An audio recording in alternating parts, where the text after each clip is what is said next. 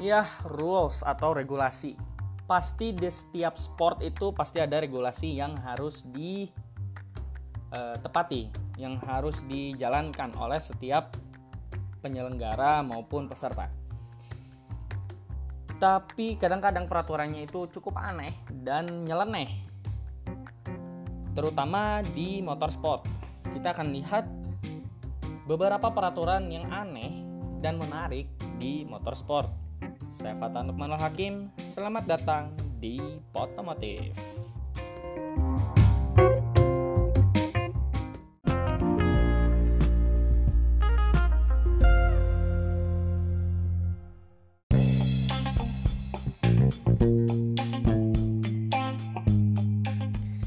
Oke, sebelum kita mulai ke pembahasan, minal aizin wal faizin, mohon maaf lahir batin, takobalallahu minna wa minkum, siamana wa siamakum.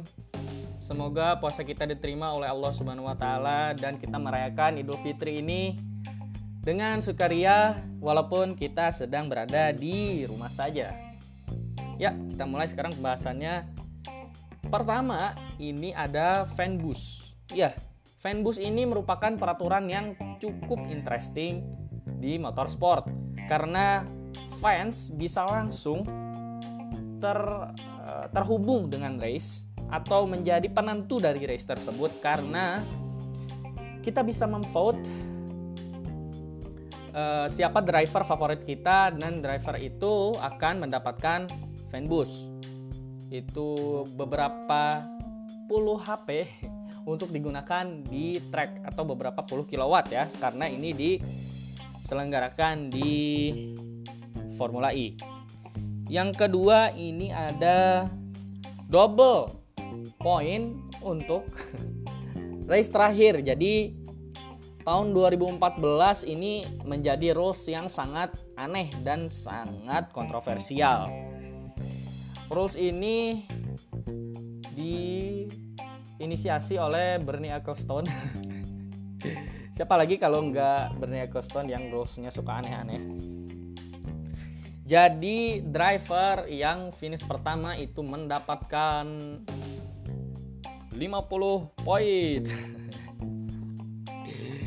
ya sangat aduh sangat tidak fair sekali katanya tapi ini untuk uh, agar championship championship battle itu sampai titik darah penghabisan atau sampai race terakhir.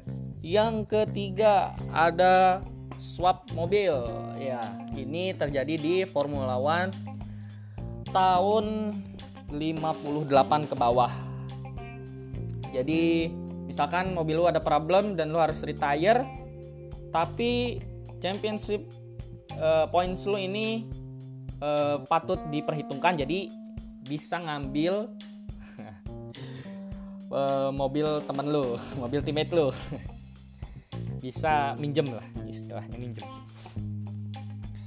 Yang keempat ada pembatasan tim radio. Nah, ini adalah sesuatu hal yang menurut gue ini sangat-sangat unfair karena driver ini jadi tidak tahu eh, keadaan eh, dari mobilnya tersebut. Kan biasanya kalau driver itu mempunyai problem, ini ditanyakan langsung ke engineer-nya. Inilah yang terjadi pada Formula One tahun 2016, di mana pada saat itu Rio Haryanto juga mengalami hal yang sama, kebingungan yang sama juga.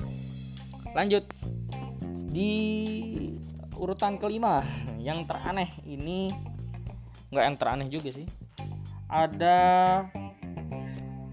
unik juga sih ini bukan aneh ya unik.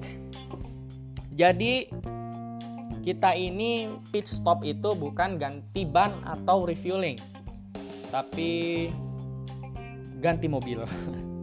Ini terjadi di first gen Formula E yang pit stopnya itu harus memakan waktu cukup lama untuk mengganti mobil karena teknologi baterai saat itu belum eh, semaju sekarang untuk memenuhi kebutuhan baterai untuk motor sport ya.